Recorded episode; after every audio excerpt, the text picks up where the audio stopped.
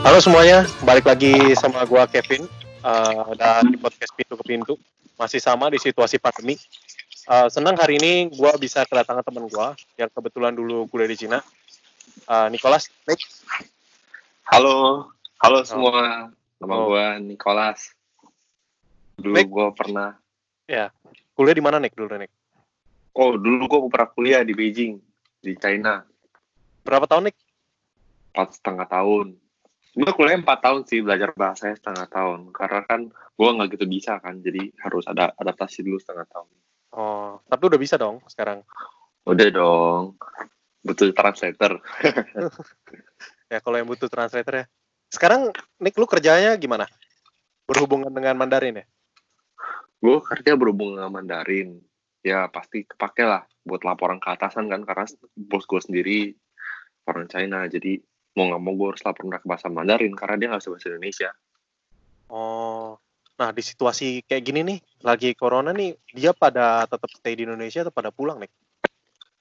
Untuk sekarang sih mereka pada balik. Jadi pas kemarin yang gelombang pertama COVID itu mereka sudah balik semua. Ada Oh. beberapa yang jadi begini. eh, kemarin itu kan ada sempat Imlek. Ya bagi yang merayakan Imlek orang sana merayakan sekali sih. Oke. Jadi mereka pulang pertama. Pas mereka pulang sekitar tanggal 19 Januari, 18 Januari. Setelah itu kan rame tuh. Banyak berita, woi di Wuhan mulai ada COVID, mulai ada COVID. Nah mereka itu langsung lockdown kan negaranya. Heeh. Langsung lockdown negaranya. Jadi sama sekali nggak bisa balik ke sini. Nah singkat cerita, setelah udah beberapa lama gantian eh, di Cina mulai merendah, di Indonesianya ini mulai naik kan kasusnya. Oh. Setelah mulai naik ini, Indonesia juga awalnya menutup, eh, nggak menutup sih awalnya nggak menutup kedatangan ya nggak cuman bos gua mungkin tamu-tamu China yang lain. Cuman kan mereka mengantisipasi supaya nggak terjebak di sini karena mereka tahu di Indonesia juga bakal nutup untuk penerbangan daripada kejebak, mending mereka cari aman di sana. Oh. Di bidang apa sih Nick? Boleh tahu nggak? Kalau gue sih di bidang aksesoris handphone, aksesoris handphone, ya kayak Bluetooth, headset, power bank, yang seperti itu. Itu kan kebanyakan ngambil dari China pabriknya. Oh, mereka jadi import masukin ke Indo gitu ya? Iya, import Oh. masukin ke Indo, distribusiin di sini. Terus mereka ada komentar nggak nih tentang Indonesia sekarang jadinya lebih tinggi daripada di Cina? Ada nggak? Oh iya, mereka ada komentar. Ada satu temen saya yang di sana itu pro, Heeh, itu tanya sama saya. Itu heeh. Indonesia parah gitu, tau nggak kenapa? Kenapa? dia nggak nyalain pemerintahan, dia nyalain warganya sini. Kalau orang sana dibilangin sekali sama pemerintah, udah lu nggak boleh keluar, nggak boleh ke mana-mana. Tapi dia kan kalau di luar negeri, khususnya di negara Cina itu kan, lu tahu sendiri kan, nggak ada rumah-rumah kayak kita di sini, semuanya gedung apartemen. Ya, ya. Jadinya mereka yang memang sudah di lockdown akan disupport makanan sama sana. Oh. Jadi, Ada sapamnya itu yang terima bansos, terima bantuan sosial itu untuk warga-warganya. Misalkan kayak misalkan ada gubernur di bawahnya kan ada kayak pejabat apalagi tuh Heeh. kayak pejabat kepala kepala daerah kepala daerah gitu. Nah itu be- bertugas misalkan bagian utara, udah di sana rapi tertata semua. Oh. Soalnya gue juga, juga sempat ngobrol sama mereka gimana sih antisipasi lo orang di sana. Oh iya, tiap minggu tiap minggu tuh ada yang ngirim makanan cukup untuk seminggu. Kalau nggak cukup ntar ada panitia di sana ya jaga, berjaga loh di bawah. Oh, jadi pokoknya nggak bakal baru kekurangan lah ya. Iya. Cuman gue akuin mereka hebat karena apa tau nggak? Pertama kita kan di sini musim panas. Lu tau nggak sih pas di sana itu terjadi tuh musim dingin Januari loh. Ya gue tahu, itu katanya gara-gara dingin makanya virusnya berkembang biak kan ya?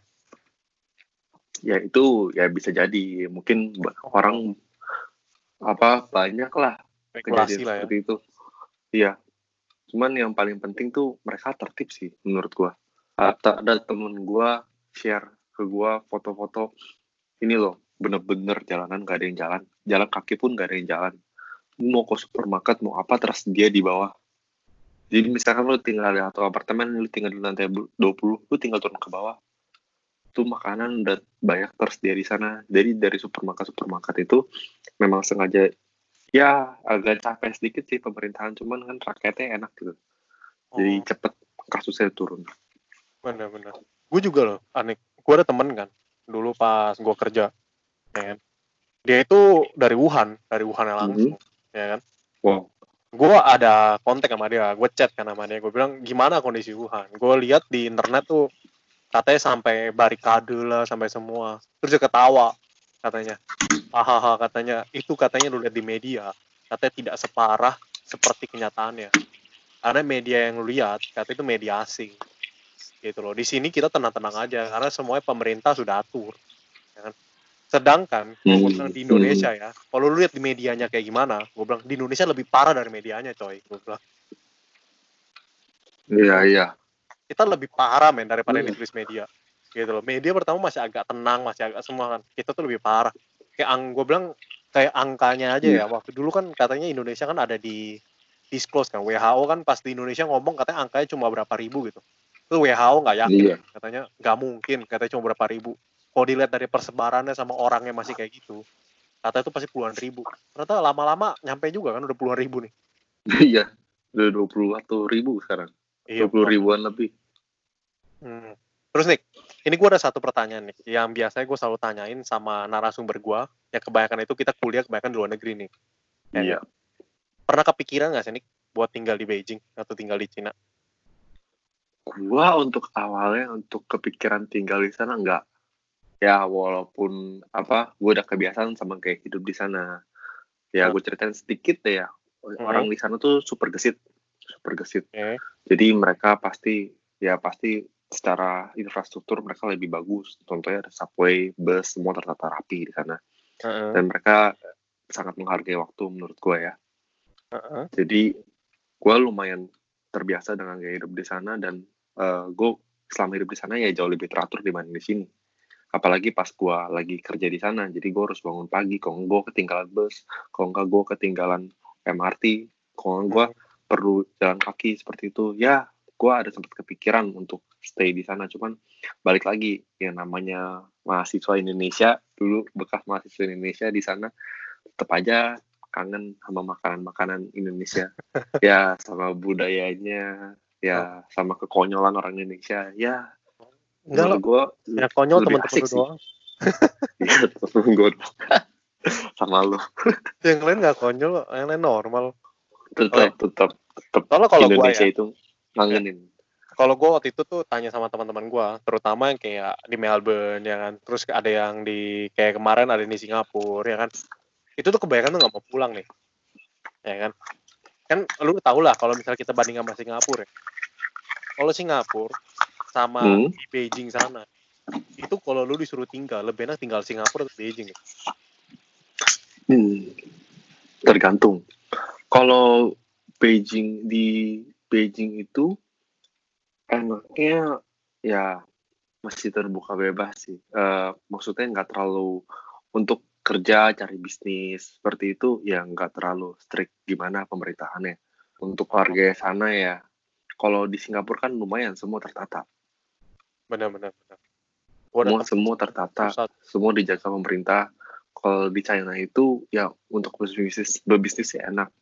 Buktinya bukti nyatanya aja lu lihat deh yang yang punya TikTok. Lu tau gak sih awal ceritanya gimana tuh?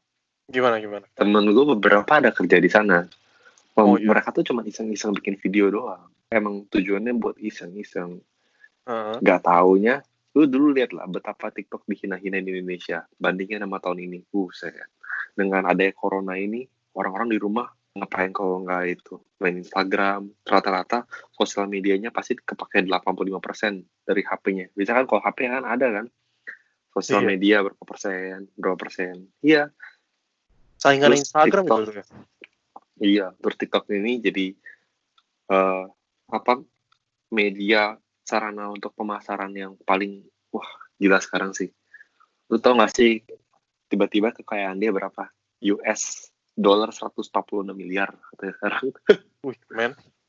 Itu masih dari ongoing bisa tuh. bikin video Masih nambah ongoing. terus. lu bayangin aja Iya sih. Itu kalau temen kerja di sono gajinya oke nggak sih? Kalau kerja di TikTok? UMR Cina kali ya? UMR Cina tapi dia termasuk udah lama ya kemarin dia bilang tahu gua gajinya ya sekitar 12.000 RMB ada sih Uh, satu nah, bulan 12 ribu RMB itu satu RMB berapa sih? 2000 ya? satu RMB sekitar 2.300 sekarang 2300 ya. Coba kalau misalnya kita kali ya, ya anggaplah kita kasih 2000 lah ya. Berarti berapa tuh nih? 2 25 juta 24 ya 25 jutaan ya. Ih, Iya. anjir men. Mantap juga. Itu dengan catatan posisinya lumayan lah ya. Iya posisinya Oh, lumayan memberikan Oke, oke.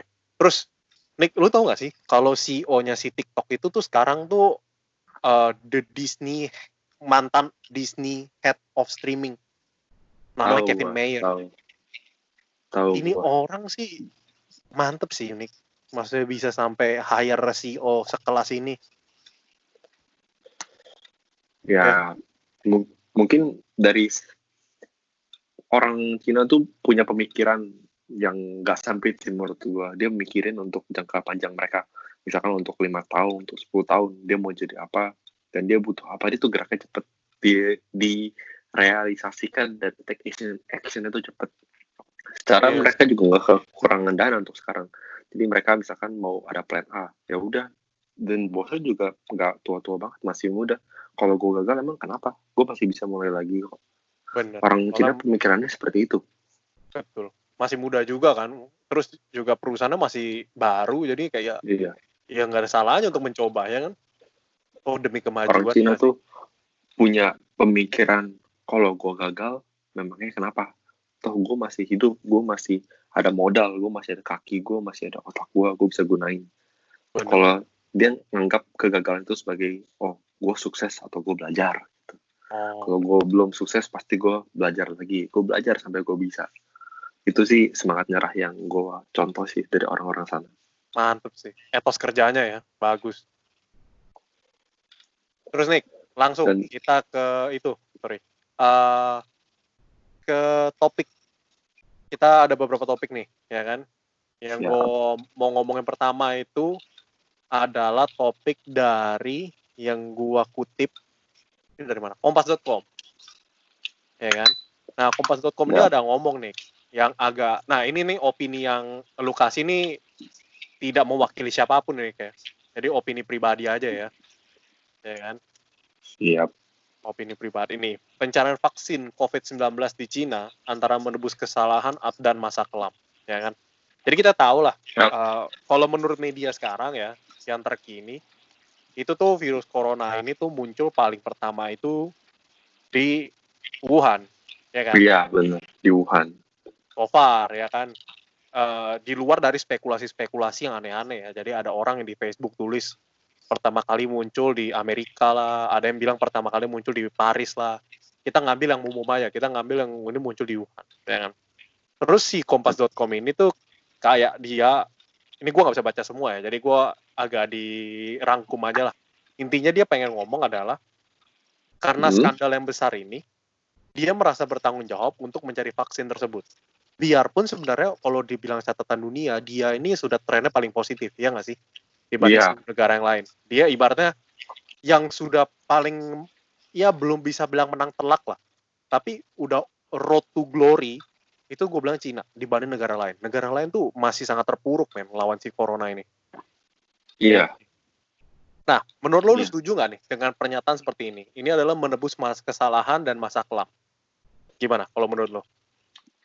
menurut gua ya setuju sih gua untuk untuk masalah ini Eh, meskipun kita juga nggak tahu kan itu virus sebenarnya dari mana lu pasti banyak gue sih lumayan baca lumayan demen sama konspirasi ya mungkin ada virus ini buatan karena lu mungkin kalau sering baca berita ada lab di Wuhan lab biokimia yang di Ya, ya. bocor awal beritanya seperti itu dan juga eh, dari makanan-makanan virus seperti itu. Ya banyak sih banyak sumber dari mana. Tapi menurut gua yang pasti itu Cina setelah ada kejadian itu. Satu yang gue simpulkan mereka nggak cari kesalahannya di mana mereka fokus cari solusinya bagaimana supaya kita tenang Oh, itu pertama mereka tebus, mereka pokoknya fokus gimana cara menebusnya lah ya. Bu daripada Iya, hitung- daripada menunjuk-nunjuk orang nggak sih? Iya, hitung-hitung itu bisa membantu dan menebus karena awalnya kan munculnya dari China. Jadi Hmm. takutnya dia yang disalahkan kan. Daripada mencari itu mending dia cari damai Iya untuk sih. solusi untuk satu dunia. Gue bilang sih China mungkin banget dengan segala kekayaan yang dia punya sih. Iya sih. Waktu di awal ya, Nick, pertama kali virus ini keluar ya, gue butuh bikin spekulasi aja sih. Gue mikir kan, ngelihat dari model virusnya sama gimana cara penyebarannya lah ya.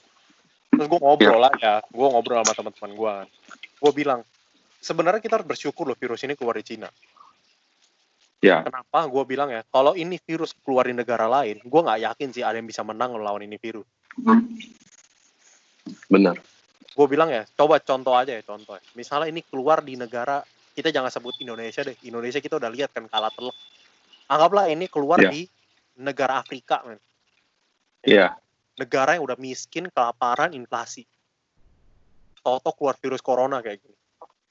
Men gue bilang sih mereka sih tewas men semua. Mereka duit buat bangun rumah sakit boro-boro bisa bikin rumah sakit. Apa kemarin tuh bikin rumah sakit berapa? Empat hari tiga hari ya atau seminggu sih Iya. pokoknya cepet lah Cina. dalam dalam 11 atau 12 hari itu Oh, 11, jadi 12. langsung. 11-12 hari bikin rumah sakit kan. Ya. Nah mereka mulai bukan ru- bukan Ya. rumah sakit yang di- dibangun itu ya. Itu rumah Iya. sakit yang eh, yang dibangun ya bisa dibongkar kapan aja sih. Cuman itu sangat cepat sekali dan pemerintah sangat kooperatif dan responsif. Oh emang rumah sakitnya semi permanen?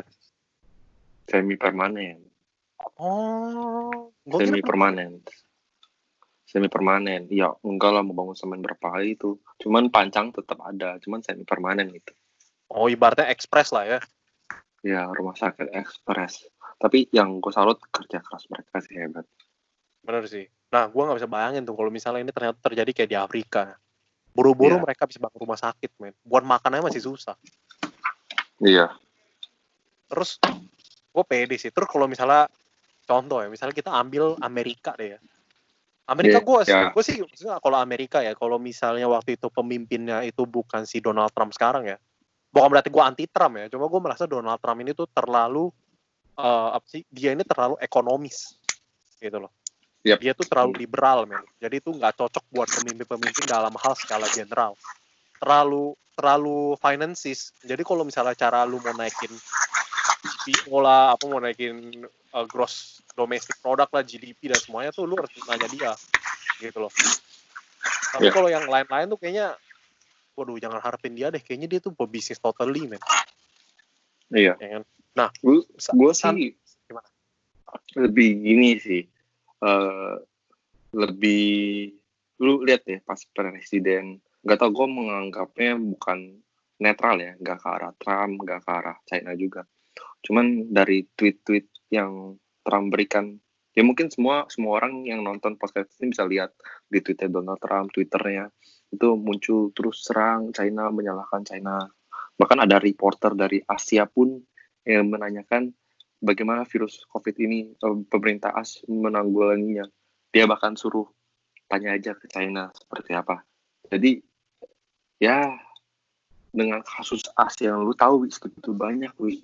Lu tahu nggak sih yang, yang mati yang mati udah puluhan ribu di AS sana. Iya di US tuh banyak banget loh men yang mati. Iya. Tinggi banget mereka, mereka tuh gagal total Iya. men. Mereka gagal total karena apa? Ya sama politik dalamnya. Jadi nggak bersatu buat memberantas gitu. Bener sih, gue setuju sih di situ. Gue memang presiden yang kali ini tuh Donald Trump tuh, karena gini gue ngeliat ya, kalau sifatnya, ini sih uh, perhitungan gue aja ya dari zaman gue kuliah dulu ya, yang namanya finances, namanya finances, masalah kayak gini. Kalau kita Hmm. berpikir tentang finance ya, seandainya gini, ada kehilangan atau ada kekurangan uang di dalam finance gue, gue akan cari di mana itu kehilangannya pasti.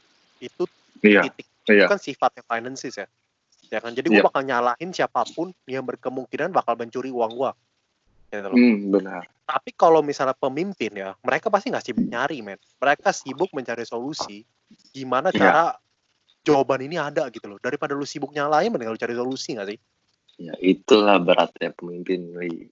Itulah Iya. beratnya pemimpin. makanya kenapa gue merasa si Trump ini tuh kayaknya bukan bukan leader in general tapi lebih kayak finances kalau dia di dalam perusahaan dia sih tajir men dia memang tajir sih orang miliarder ya kan Iya. Cuma ya gitu aja sih aneh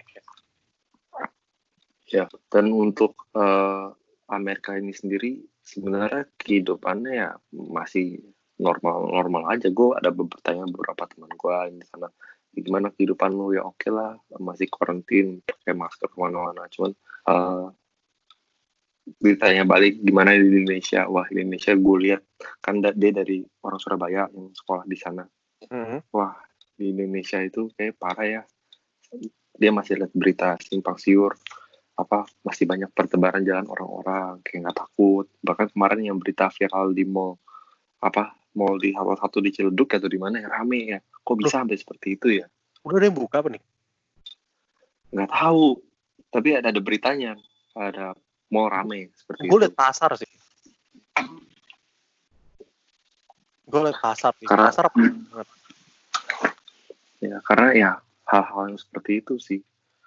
Eh, yang bikin makin susah. Karena kalau kalau nggak seperti itu ya serba salah sih. Indonesia jadi eh, ekonomi juga rada goyang kan sekarang. Iya ekonominya lagi parah banget memang. Oke, back to topik yang di Amerika Serikat. oh ya Em, tetap eh, presiden ada kasih bantuan sih untuk warga warga itu. Tetap itu yang eh, hal positifnya yang mungkin pemerintah harus lakukan ya penjagaan di mana-mana. Itu ketat sih di as perbatasan. Terus habis itu bantuan-bantuan juga tersalurkan ke masyarakat dengan baik sih. Itu sih yang hal positif yang gue dapat dari sana. Ya setidaknya oke lah di sana. Jadi masih merata di sana nih Oke. Nah, itu tuh tadi kita bahas tentang gimana berita internasionalnya ya. Antara si Cina dan Amerika Serikat lah ya. Ibaratnya Yap. dua dua giant lah ya. Nah, sekarang Yap. ada lagi nih nih salah satu artikel ya kan gue baca di merdeka.com ya kan. Ya. Jadi di sini itu tuh rangkumannya aja ya kembali. Nah, Duta Besar Cina untuk Indonesia, Xiao Qian, dalam keterangan Yap. seperti dikutip di situs Kedutaan Besar Cina di Jakarta. Ya kan? Cina siap membantu Indonesia tangani virus corona. Oh, gue setuju banget itu. Jangankan corona, gue yakin banget China bakal bantu Indonesia. Lu masa gini ya? Orang Kalau gue tuh yang yang pertanyaan yang gue yang pengen gue tanya dari ini ya, menurut lu ya, sebenarnya posisi kita, posisi Indonesia di mata Cina, ya kan? Kita ini sebagai sahabat atau sebenarnya sebagai ya biasa aja gitu loh. em, sebagai sahabat sih, gue lihat. Karena dulu gue lumayan aktif kan di kemahasiswaan, gue sering ke KBRI, Mhm.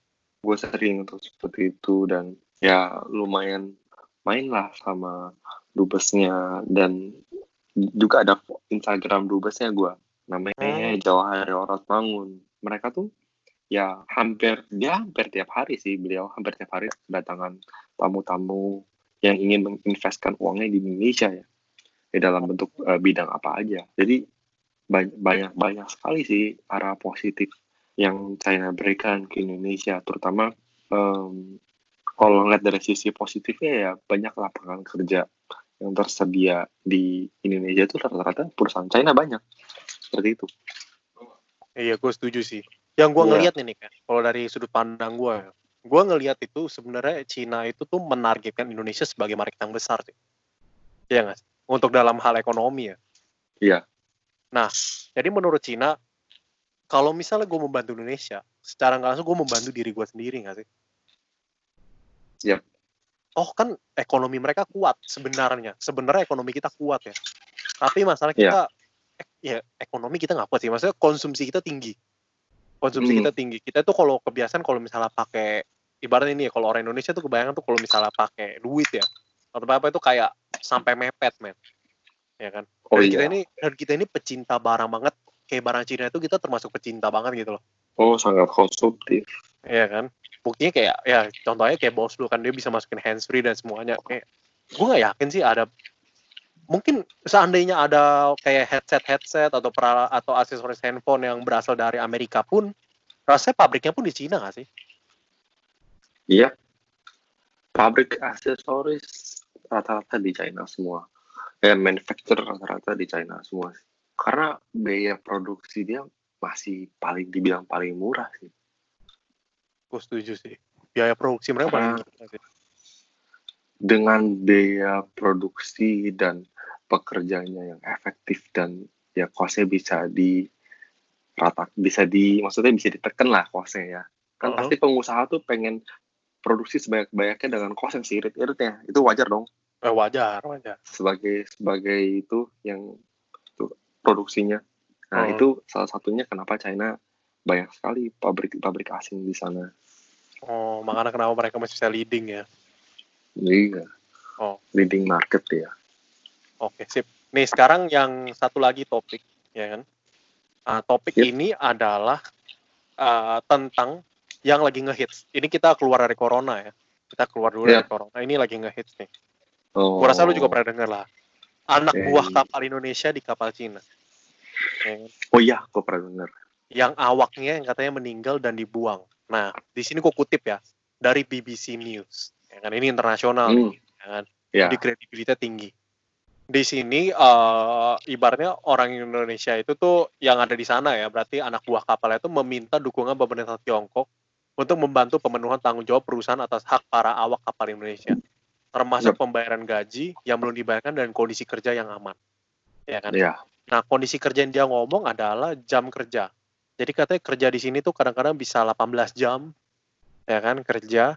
Terus bisa juga kayak ada yang sampai dua hari nggak tidur. Oh, itu gua nggak tahu. Itu apakah gua nggak ngerti sih dua hari nggak tidur itu kayaknya untuk pekerjaan yang menuntut fisik yang tinggi itu rasanya lu nggak akan kuat sih. Iya nggak sih? Hmm, Terus- iyalah, gak bakal. Dikit lagi. Eh, terus di sini itu dia ngomong katanya orang yang sakit. Jadi ceritanya adalah dia ini kan sekarang lagi corona kan.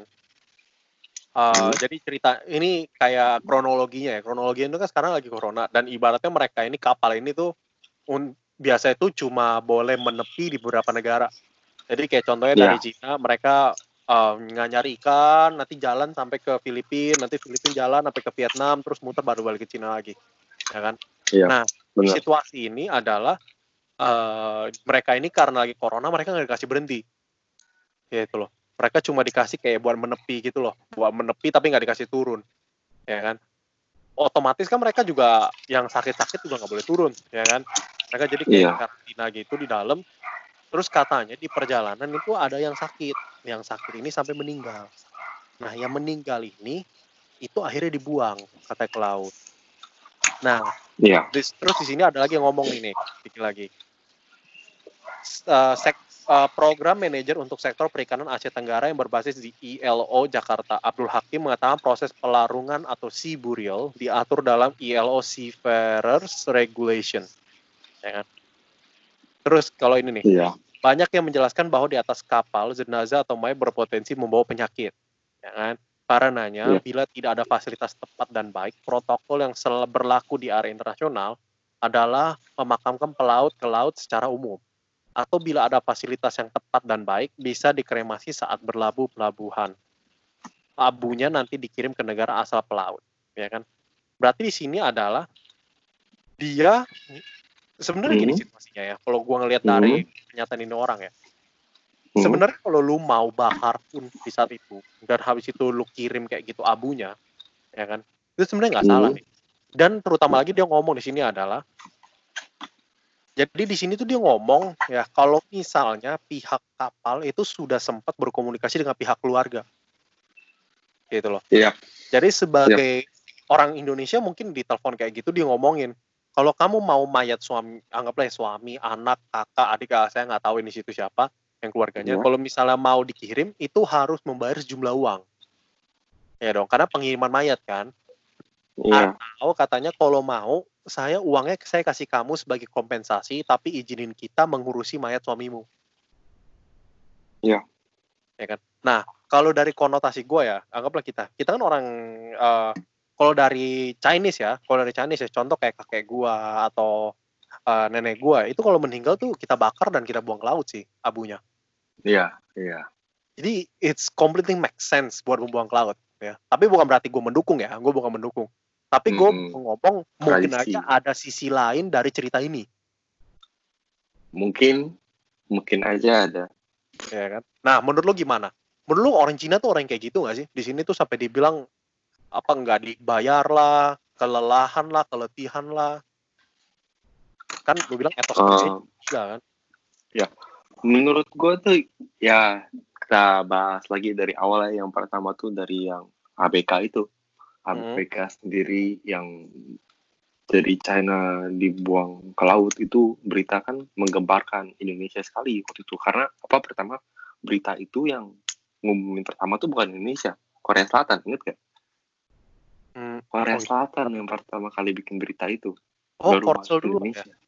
Oh iya, iya, iya. Korsel yang Korsel yang nemuin berita ini.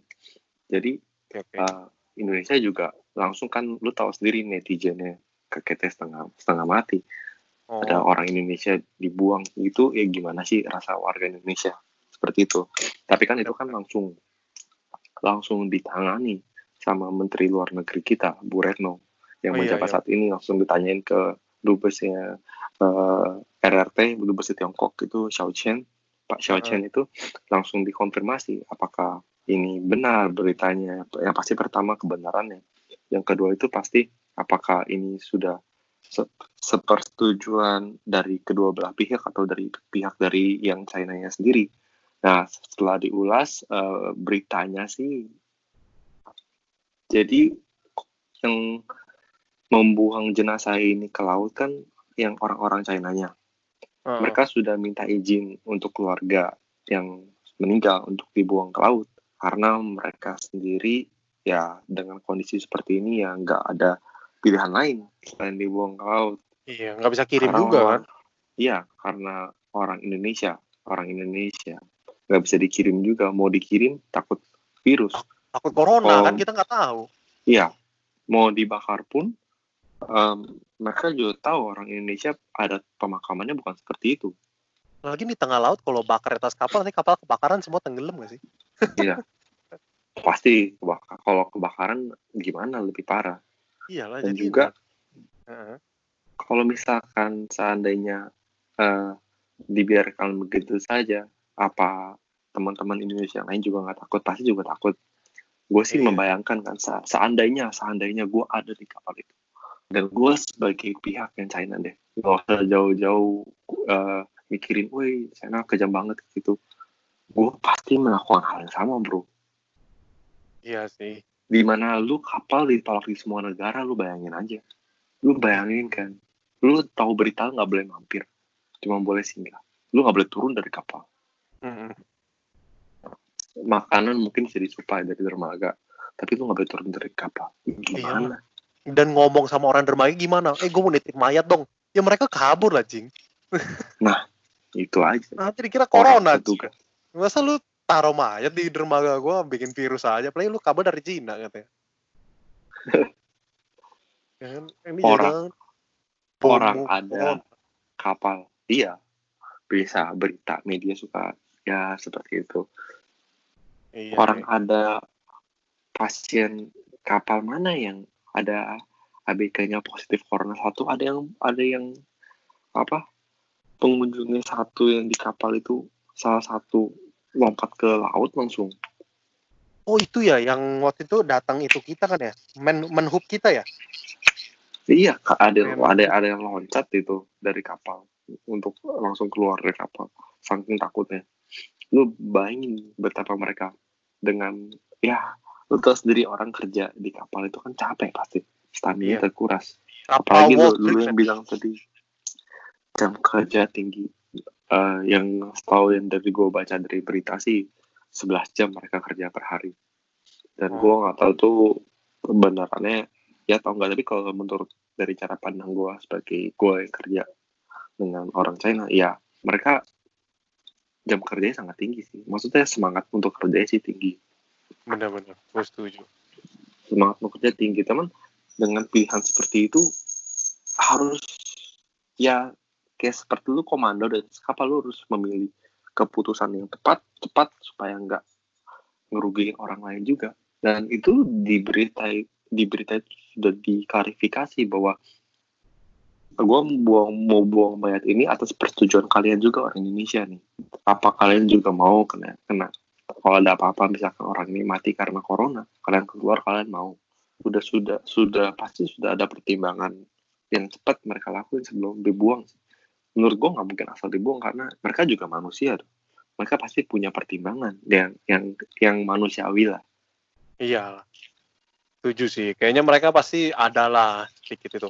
Oh BTW Iya, ini cuman tadi yang Ya. kapal yang lu ngomong ada WNI-nya yang mau datang itu namanya World Dream. Cruise itu, cruise. Oh ya apa Itu yang waktu itu ada menhub kita Budi Karya itu loh. Iya, Budi Karya itu yang udah sakit, sembuh, sakit lagi gitu sekarang. iya Yuk, ya pura-pura. kita berdoa berdoalah semoga pemerintahan bisa sembuh lah karena dia kan yang garis depan yang menangani Iya, semoga dia sembuh lagi. Sa- sehat lah bisa ketemu keluarga lah ya kita Ah. doain terbaik buat Indonesia Terus nih, udah yang corona beres ya. Ini kita nih topik terakhir nih, ya kan? Yap. Topik terakhir nih nyentuh kita pas 30 menitan nih, ya kan? Setengah jam. Nah, Indonesia ini ada protokol yang baru. Gue yakin pasti lu juga dengar. The new normal of Indonesia. tahu gue Ya dia kan? normal The new normal. Jadi katanya ibaratnya kita sebenarnya sudah nggak tahu gimana ya. Pemerintah soalnya bilang kita berdamai dengan corona. Tapi kalau yang gue bilang sebenarnya spesies kita akhirnya mengalah. Ya nggak sih? Karena kayaknya kita nggak bisa menang. Paling nggak tidak dalam waktu dekat. Ya kan kita nggak bisa menang. Akhirnya the new normal. Nah rencananya ini kan nih 8 Juni ini kan nih mall mau dibuka nih. iya Ya kan? benar Mall mau dibuka, sedangkan kemarin nih pas kita ta- hari ini tertanggal 22 Mei, berarti kemarin 21 Mei itu rekor ya. 973 orang yang positif corona ya. Oh iya itu rekor Itu hampir se- seribu ya betul sejak uh, pasar sudah mulai dibuka, pasar besar. Jadi kemarin ada pasar Kebayoran Lama, pasar Tanah Abang yang pinggir-pinggir di depannya, terus pasar-pasar yang lumayan gede lah, pasar Senen itu dibuka. iya nambahnya Iya. 973 orang. Dengan catatan kita tidak mengetes di lokasi yang pasar itu loh. Ya. Jadi swab test tidak Berarti- dilakukan di lokasi pasar itu. Di lokasi lain, di lokasi lain aja tuh angkanya menyenggati seribu. Ya kan? Nah, the new normal ini adalah katanya nanti kita pakai masker, social distancing katanya, tapi gue tidak melihat itu sampai di pasar kemarin karena konsepnya pasar senggol kan nggak mungkin lu bisa distance tolong gimana cara nyenggolnya coy iya Iya kan? dan pembayaran di pasar tradisional pun juga masih Betul. Masih jauh dari Ya, tahu Nah, sekarang menurut lu Nick ya, the new normal akan diadakan pemerintah. Dari pribadi lo. Are you gonna Yep. do it or not?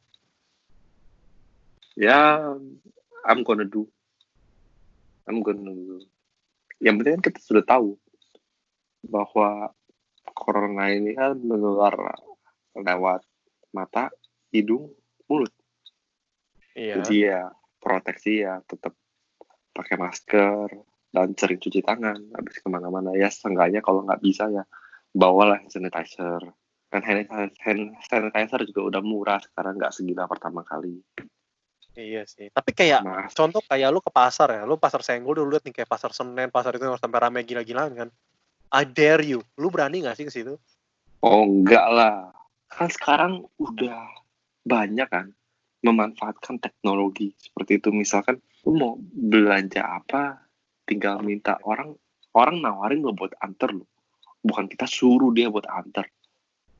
Bener sih. Orang anterin delivery itu kan eh, misalkan yang punya niat dan teknologi seperti itu kan yang bertahan sampai saat ini. Bener dia menawarkan jasa terbalik sekarang ya kalau enggak ya dia juga mati seperti itu dan kita tetap butuh makan mereka tahu kita butuh makan sekarang mereka nyamperin kita ke rumah Iya sih. Sebenarnya tugas kayak kita betul. ya cuman tugas kita ya cuman naruh box depan rumah atau naruh kotak steril depan rumah ah, nggak semprot kita ambil makanannya selesai seperti itu Bener sih. Menurut gua orang yang seperti itu justru orang itu penjualnya sendiri itu nggak egois menurut gua. Karena penjualnya tahu kalau misalnya ini orang yang keluar, resikonya lebih tinggi daripada yang penjual yang keluar. iya Ya sih? Karena penjual ngantar kan cuma sampai depan rumah. Ya kan? Dia Iya. kan menghindari kontak. iya Ya kan? Yang sebenarnya ditakuti kan adalah kontaknya kan. Kita tidak boleh ada kontak di antar manusia. Sebenarnya kontak kita dengan alam kontak kita dengan benda mati itu mah nggak masalah nggak sih? Iya. Contoh kayak misalnya naik mobil, ya kan? Dalam mobil mah nggak mungkin lu kena corona, siapa yang nularin coba? Iya. Jadi, Ya dengan ada new normal ini ya sebenarnya pemerintah berharap kita bisa beradaptasi sih. Cuman ya gua sih rada serem-serem. Enggak karena ya sebelum new normal ini juga seperti biasa aja gue lihat di jalan. Masih banyak orang berkeliaran di mana-mana. Misalkan contoh di Jalan Hayam Muruk masih banyak pedagang jualan di pinggir jalan. Itu oh, Harko Glodok. Dan itu kan sangat gimana ya kalau misalkan bukan gua doang lihat deh masyarakat yang tinggalnya lebih di sana juga makanya kenapa sampai ada tagar Indonesia terserah iya, ada tagar Indonesia terserah. Indonesia trending loh setara katanya Indonesia, setara terserah Udah nggak ngurus. Ribet sih. untuk ya pejuang medis ya kasihan sih gue tahu betapa panasnya di dalam APD itu Iya sih, dan dia kerjanya kayak seharian kan. dan mereka itu kalau misalkan udah pakai APD pakai masker mereka tuh nggak boleh buka nggak boleh buka masker kayak kita misalkan pakai masker ngomong buka kan tutup lagi Iya, anjir. mereka nggak mereka nggak boleh seperti itu Men, yang goblok apa? Waktu itu gue pernah di depan itu rumah gue pasar kan, di pasar ya. Itu kan ada tukang kayak tukang ayam gitu ya. Jadi Iya. semua tukang ayam itu itu pasar modern kan, itu kan pasar bagus. Iya. Ya. Nah, eh, semua itu udah pakai masker, jadi disuruh semua sama pakai masker ya kan. Tapi ada satu tukang ayam gitu, agak orang tua lah. Kalau dia mau batuk, malah maskernya dibuka men. Goblok? Padahal tuh gunanya masker itu dikasih adalah supaya kalau lu batuk kagak sampai keluar ke mana-mana. Dia malah buka Iya. kalau batuk. Orang situ marah dong. Woi, kalau batuk tutup dong kata dia. Nanti batuknya nggak keluar. Lah, ya memang jangan keluar, cowok. Taruh aja dalam badan lu. Siapa yang mau? Gue bilang. ya orang itu psikologi ya kebiasaan tapi secara nggak langsung dia ngusir pelanggan kalau kayak gitu Iya. Menurut gua nggak lebay sih untuk kita takutnya sih. Untuk ini tuh memang kita Iya. harus lebay. Wajar untuk takut. karena sumber penularannya bisa salah satunya seperti itu Iya, makanya. wajar kita takut nih nih nih kebetulan nih gue tadi baca yang kompas itu kan yang the new normal kan terus gue lihat ada komen ini bawahnya nih Iya. Ya kan? Nih dia ada tulis dibuat psbb tapi sanksinya gertak sambal. Saat warga ramai petugas pun tak bisa berkutit. Sekarang kondisi psbb sama saja seperti tidak ada apa-apa. Tengok jalan raya masih ramai pemboncengan orang hilir mudik. Kantor buka ini yang disebut psbb mana ada psbb-nya katanya. Ya sebenarnya iya sih. Sebenarnya sebenarnya kalau disuruh gua distinguish ya suruh gua membedakan sekarang ke jalan di mana bedanya psbb sama enggak itu gue sebenarnya nggak bisa ngelihat sih Nick. Iya nggak sih? iya. Emang lu bisa ngelihat kecuali ya gue merasa tuh kemarin gue ngomong pertama ya kulturnya kita Indonesia tuh menjadi kayak kultur Jepang men. Ke mana-mana semua orang pakai masker. Iya. jadi kayak Korea Korea gitu jadi kayak banyak artis-artis Korea di jalan. Semua pakai atau masker. baik artis Korea. Cuma sisanya mah menurut gua semua sama aja coy.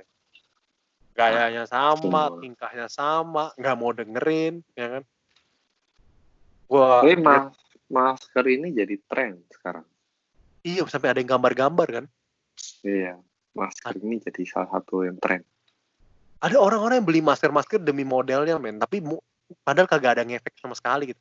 Jadi kayak ada Iya. masker apa gitu yang bentuknya kayak busa kan. Itu masker tuh dipakai orang Korea. Oh, katanya, wah ini Iya. orang Korea pakai, ini pasti bagus. Cok, orang Korea pakai tuh buat bergaya, cok. Ya lu lihat tuh artis.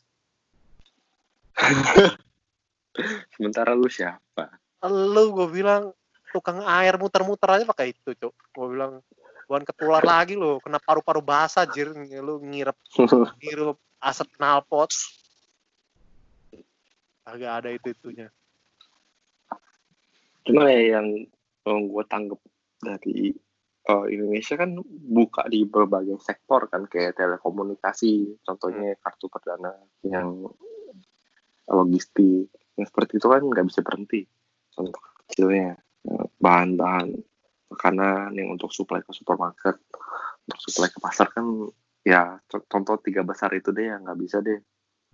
Iya. yang tetap nggak bisa berhenti dengan karyawan yang lumayan banyak dari misalkan perusahaan-perusahaan besar. Ya sebenarnya the new normal itu menurut gua sih ditetapkan bertahap. Jangan langsung untuk semuanya. Menurut gue ya kalau misalkan gue ada di posisi pemerintahan. Jadi di sektor itu kita fokusin dulu. Mungkin kan kita tambahin di sektor yang itu dulu the new normalnya cuman ya ini Indonesia. Sekali lagi bu susah dibilangin orang-orang. Nyawanya sembilan. Karena kita demokrasi juga, coy. Jadi Iya. semuanya nggak Ini ada lagi nih komen nih. Ada yang ngomong nih, bentuk keputusan dan ketidakmampuan pemerintah dalam mengatasi masalah ini sehingga dibiarkan mekanisme seleksi alam berlangsung dengan sendirinya. Menunggu perkembangan vaksin atau obat. Sungguh memprihatinkan, memprihatinkan kita butuh seorang pemimpin yang cerdas dan tegas. Terus yang kedua, ada lagi. Rakyatnya dablek. Udah tahu kena corona masih kabur. Udah tahu ODP masih kabur nggak ditindak sama sekali. Nggak dikasih tahu keluar rumah harus pakai masker juga nggak nurut. Gimana nggak jebol? Ditambah dari awal Menkes nggak anggap enteng sampai rakyat aja kekurangan masker. Gimana nggak nambah banyak? Nah, dari dua komentar ini nih kayak gue melihat tuh sebenarnya kubu ter kubu sudah terbagi nih. Iya nggak sih? iya Ada yang pro ke pemerintah, yang dia bilang rakyatnya itu yang double, ya kan? Ada juga yang pro ke rakyat, pemerintah yang double. Inilah Indonesia kalau menurut gua gimana ya? Kalau menurut gua pribadi ya, eh gak bisa nyalahin sepenuhnya pemerintah juga. Tapi memang kita harus ngomong pemerintah ada beberapa kesalahan. Tapi sekarang kalau kita lihat siapa yang tidak salah langkah di situasi seperti ini? Iya gak sih? Karena kan gak ada yang, yang pernah salah langkah di sini yang gak ngelakuin apa-apa yang Ya, gak benar. ngelakuin apa-apa itu yang salah langkah lu udah tahu ini lu diem itu, itu yang salah cuman ya susah juga untuk me- menangani kasus seperti ini karena kita bukan lawan orang kita lawan penyakit ini lawan virus yang bahkan sama mata aja nggak kelihatan Iya. Waktu itu gue pernah ada bikin podcast nih sama teman gue waktu itu kerja di bagian pemerintahan kan. Dia itu ada Iya. ngobrol, ya kan dia ada kasih tau gue. Katanya sebenarnya virus corona ini tuh bukan masalah antara individual, tapi ya under sebenarnya individual sebenarnya perang spesies. Iya. Jadi kita menyelamatkan umat manusia, spesies dari muka bumi, ya kan? Ya, tapi ya gimana ya? Yang namanya kayak gini, namanya oh kita manusia. Kalau manusia nggak bisa dibilangin, pasti semua nengoknya ke pemerintah kan. iya Ya, kita Kayak harus lagi? sekarang ada berita beredar yang di berita bantuan yang diberikan oleh pemerintah ada sebagian warganya nih warganya nih Hmm. malah jual bantuan itu buat beli baju No man, man. mangko sembako lu pikir pentingan lu baju atau perut tuh ini Iya, tujuan untuk untuk menekan yang yang seperti itu soalnya lebaran, men. takutnya rakyatnya kelaparan eh malah beli baju Lebaran, men. Lebaran kan harus baju baru. Iya. Makanya prioritas saja belum bisa dibedakan mana prioritas, mana kebutuhan yang lain. Betul, setuju gue. Seperti itu. Oke. Oke, Nick. Udah semua topiknya? Pas. Kita Siap, sudah pas. menuju satu jam, menuju 50 menit. Uh, Eh, nggak berasa. Gak berasa, ngoceh-ngoceh sama gue mah gak berasa, Nick. Kalau jalan-jalan di pasar pas corona tuh baru berasa, anjir. Lewatin satu orang Hmm. udah kayak udah kayak sesak napasnya satu minggu. Ih, gue pernah loh. Jadi lagi Hmm. jalan gitu kan. Tahu-tahu tuh ada orang batuk di sebelah gue. Gue sampai rumah, men. Dada gue ngerasa sesak. Takut, Iya. gak tau apa-apa. Parno. Pasti lu parno. Lu ber- beranggapan. Gue pertama-tama juga. Dada gue sesak, dada gue sesak. Apa gue kenapa-napa ya? Iya, jir. Oh, ternyata enggak, enggak ada apa-apa. Sebenarnya kalau misalnya kita kenanya ya, gue sih nggak terlalu khawatir sih. Karena gue kena kan, maksudnya kita masih muda juga kan. Gue ngerasa kayaknya bisa lewatin lah, ya kan. Tapi kalau kenanya sampai ke orang di rumah, yang orang-orang tua, itu yang ditakutin sini. Oh iya.